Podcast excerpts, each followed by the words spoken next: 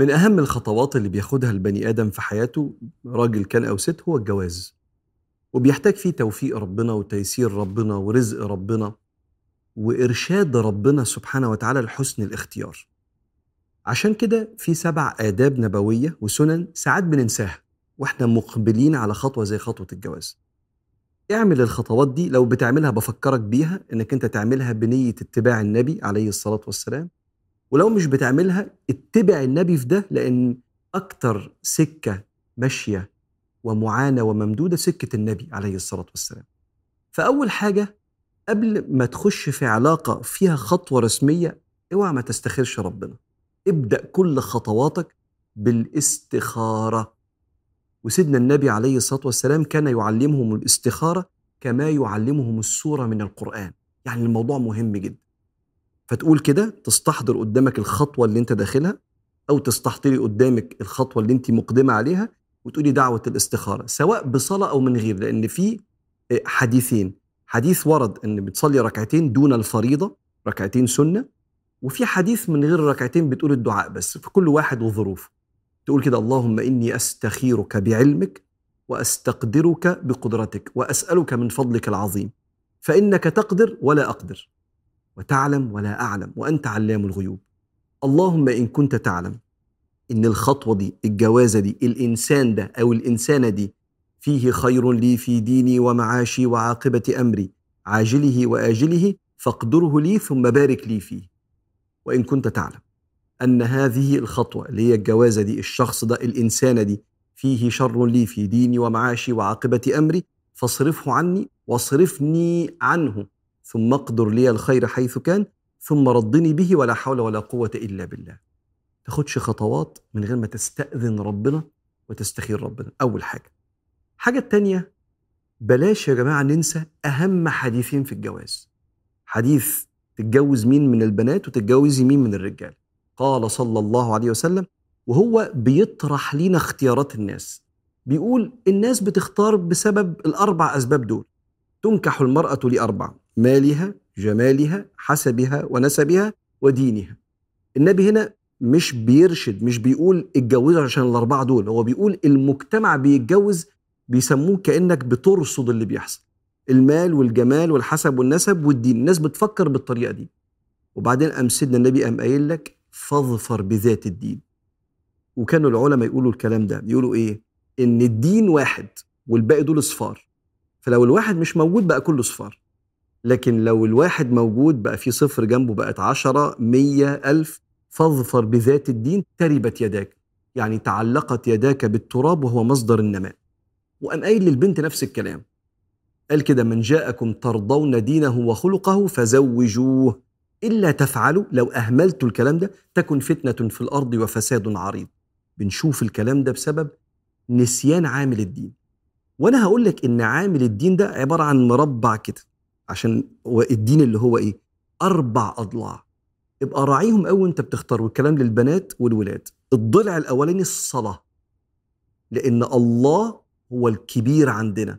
فأنا لو عارف إن أهم حاجة عند الكبير أنا مش مهتم بيها ده كويستشن مارك كبيرة. دي علامة استفهام على تحملي لمسؤولية العلاقة مع حد أنا بقول أنا بحبه. فالصلاة. رقم اتنين الاحترام اللي هو عكسه الإهانة. رقم ثلاثة تحمل المسؤولية اللي عكسه الكسل وعدم الاهتمام بالخطوات اللي مطلوبة مني. رقم أربعة الصدق والأمانة. الصدق والأمانة أهم الأخلاق تحمل المسؤولية بناء الحياة. الاحترام استمرار الحب لأن الإهانة بتدمر الحب.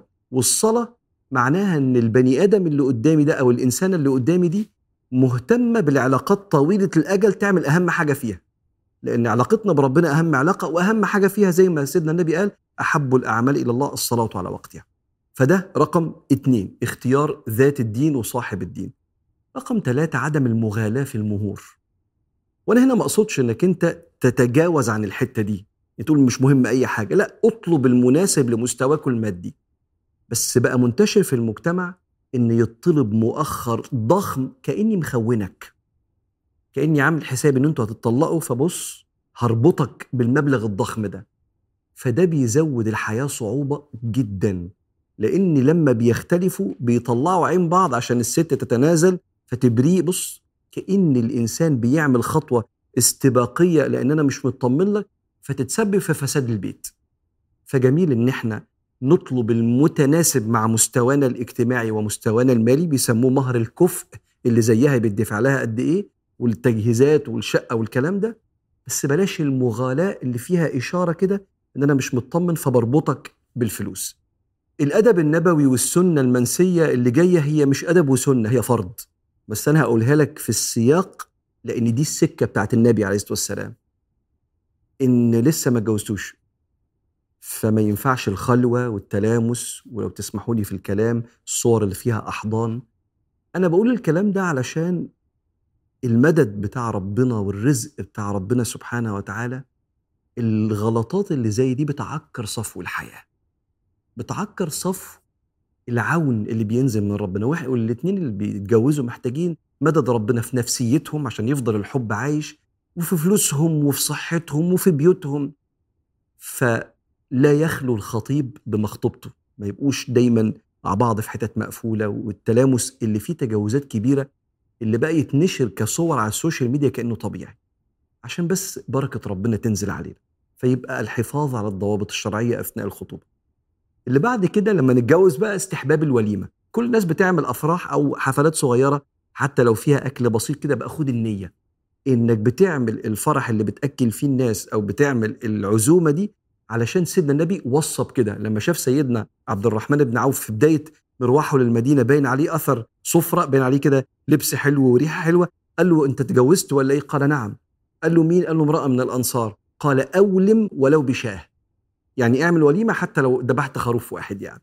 فابقى خد النية كده إطعام الطعام وبخلي الفرح كده إيه؟ بما يرضي ربنا سبحانه وتعالى. لما ليلة الزواج في أدبين. الأدب الأولاني اللي بنسميها ليلة البناء أو الدخلة يعني الأدب الأولاني وضع الرجل إيده على جبين مراته ويدعي اللهم إني أسألك خيرها وخير ما جبلتها يعني خلقتها وخير ما جبلتها عليه وأعوذ بك من شرها وشر ما جبلتها عليه. وبعدين يصلوا مع بعض ركعتين. صلاة الركعتين دول كأنك بتستفتح حياة تحت سقف واحد باستمداد العون من ربنا.